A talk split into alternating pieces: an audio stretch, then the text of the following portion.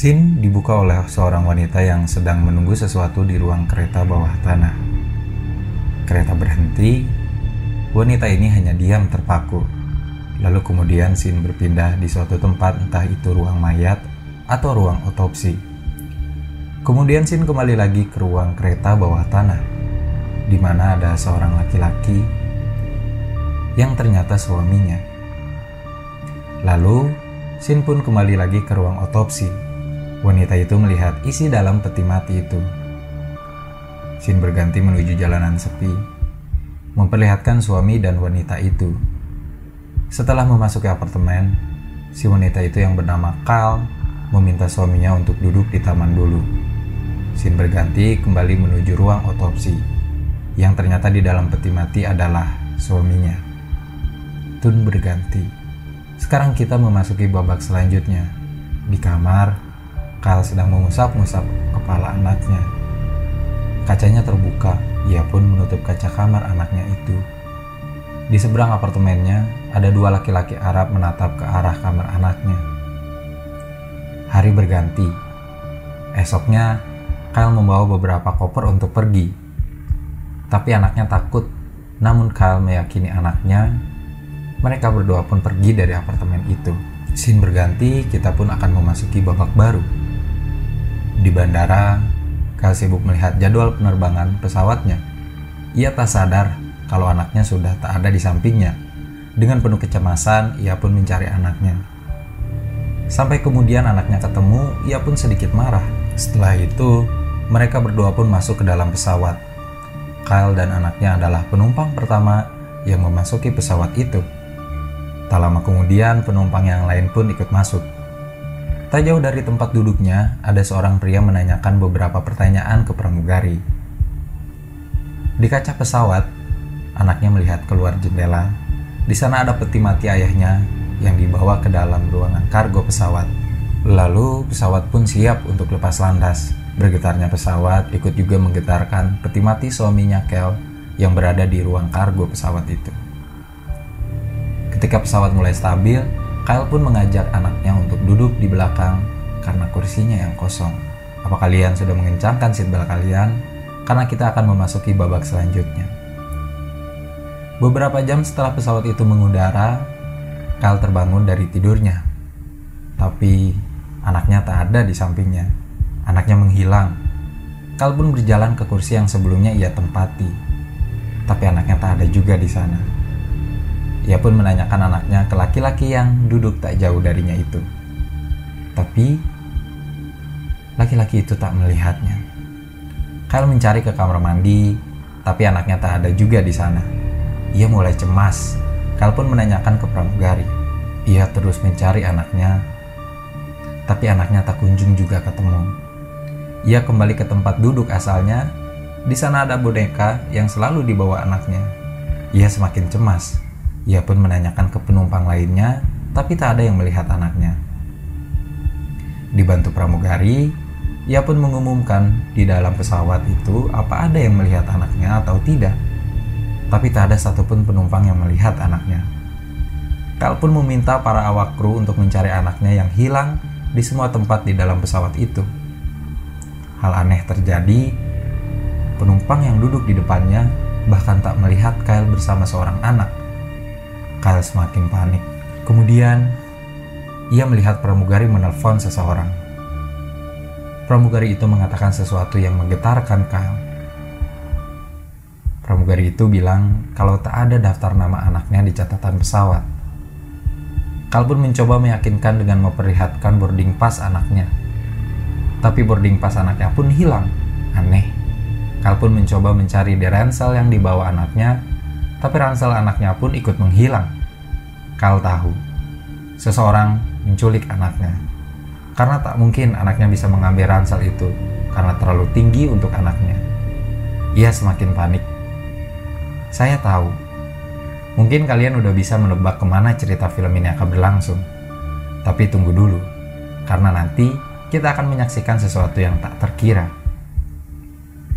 Kal pun berlari menghampiri kapten pesawat Keadaan semakin mencekam, penumpang yang lain pun ikut tegang. Saya pun yang nonton ikut tegang. Kal yang semakin tak terkendali, akhirnya dilumpuhkan oleh laki-laki yang tadi duduk tak jauh darinya yang ternyata merupakan seorang polisi udara. Laki-laki itu bernama Kersen. Kapten pun keluar dan mulai bertanya informasi tentang anak Kel yang menghilang. Tapi tak ada satupun bukti tentang keberadaan anaknya, termasuk Carson. Lalu, Cal pun menceritakan asal-usulnya dan alasan dia ada di dalam pesawat itu. Cal terus meyakini sang kapten. Dengan penuh pertimbangan, sang kapten pun memperlakukan prosedur untuk mencari anaknya. Lampu-lampu dinyalakan, penumpang terbangun, kamar mandi semuanya dikunci. Tak ada satupun penumpang yang boleh meninggalkan kursinya. Keadaan semakin mencekam. Beberapa waktu bahkan mencari ke ruang avionik, namun tak ada apa pun di sana. Kal terus mencari, semua waktu terus mencari, tapi tak ada sedikit pun bukti tentang keberadaan anaknya. Kemudian Cal pun memutuskan untuk memanggil kapten lagi untuk mencari di ruang kargo pesawat. Tapi sang kapten tak mengizinkan. Cal mengingat sesuatu. Kemudian ia berlari, ia berlari menuju dua orang Arab. Keadaan semakin kacau. Kapten pun mematikan prosedur itu. Beberapa penumpang pun diperbolehkan untuk meninggalkan kursinya. Dengan penuh emosi, Cal pun menghampiri kapten Lalu sampai kemudian sang kapten pun memberitahu sesuatu yang tak pernah ingin didengar. Ya, kapten itu bilang kalau anaknya sudah mati bersama suaminya yang jatuh dari lantai 6. Tapi Kal menyangkal itu semua. Kal tahu anaknya tak mati bersama suaminya. Babak selanjutnya dimulai. Kal terbangun dari pingsannya. Di sampingnya ada seorang terapis suruhan sang kapten untuk membantu menenangkan Kyle. Kyle yang terpukul meminta untuk ke kamar mandi agar bisa menyendiri. Di dalam kamar mandi, ia mulai membuka bajunya. Ia naik ke atas toilet, ia menuju ruang avionik. Sedikit bocoran, Kal merupakan seorang insinyur pesawat, jadi ia paham betul bagaimana ruangan dan cara kerja mesin pesawat. Kembali ke ruang avionik, di sana ia melakukan sesuatu yang tak disangka-sangka. Hal yang ia lakukan membuat semua penumpang di dalam pesawat itu panik bukan main. Tak sampai di situ, Kal pun kembali melakukan sesuatu yang membahayakan pesawat itu sendiri. Di tengah kekacauan, Kyle diam-diam keluar dari kamar mandi tanpa sepengetahuan Kersen. Diam-diam Kyle masuk ke dalam ruangan kargo pesawat. Mobil yang berada di sana pun ia hancurkan, tapi anaknya tak ada di sana. Ia pun melanjutkan pencariannya. Ia buka peti mati suaminya. Ia melihat suaminya terbaring kaku di sana. Kyle begitu kalut Tak lama, Kersen pun ada di belakangnya dan memborgol Kyle. Ia kembali ke tempat duduknya. Ia tampak sudah pasrah. Di tengah kepasrahannya, ia memohon kepada Kersen. Sampai kemudian, kita akan dikejutkan dengan sesuatu yang bikin geleng-geleng kepala. Di sini mungkin saya akan memperingatkan kalian yang menonton video ini.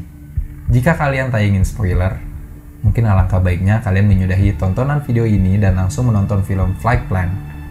Tapi untuk kalian yang tak bermasalah akan hal itu, kalian boleh melanjutkan menonton video ini. Diam-diam Carson masuk ke ruang kargo pesawat. Kal dijaga ketat oleh pramugari yang duduk di sebelahnya.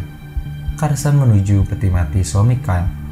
Di sana ia mengeluarkan bom yang ia sembunyikan di sela-sela peti mati itu. Setelahnya, ia pun berjalan menuju ruang avionik di sana terbaring lemah anaknya, Kal. Ia pun menempelkan bom yang tak jauh dari si anak Kal itu. Kemudian Sin berganti. Carson meminta tebusan kepada sang kapten dan berdalih seakan-akan itu adalah suruhan Kel. Ternyata Carson tak sendiri. Salah satu pramugarinya pun ikut bersekongkol dengannya. Pesawat pun akan didaratkan di suatu tempat yang entah di mana. Setelah semua penumpang turun dari pesawat, Kal pun mengejar kapten untuk memintanya untuk tak membolehkan barang apa pun keluar dari pesawat itu.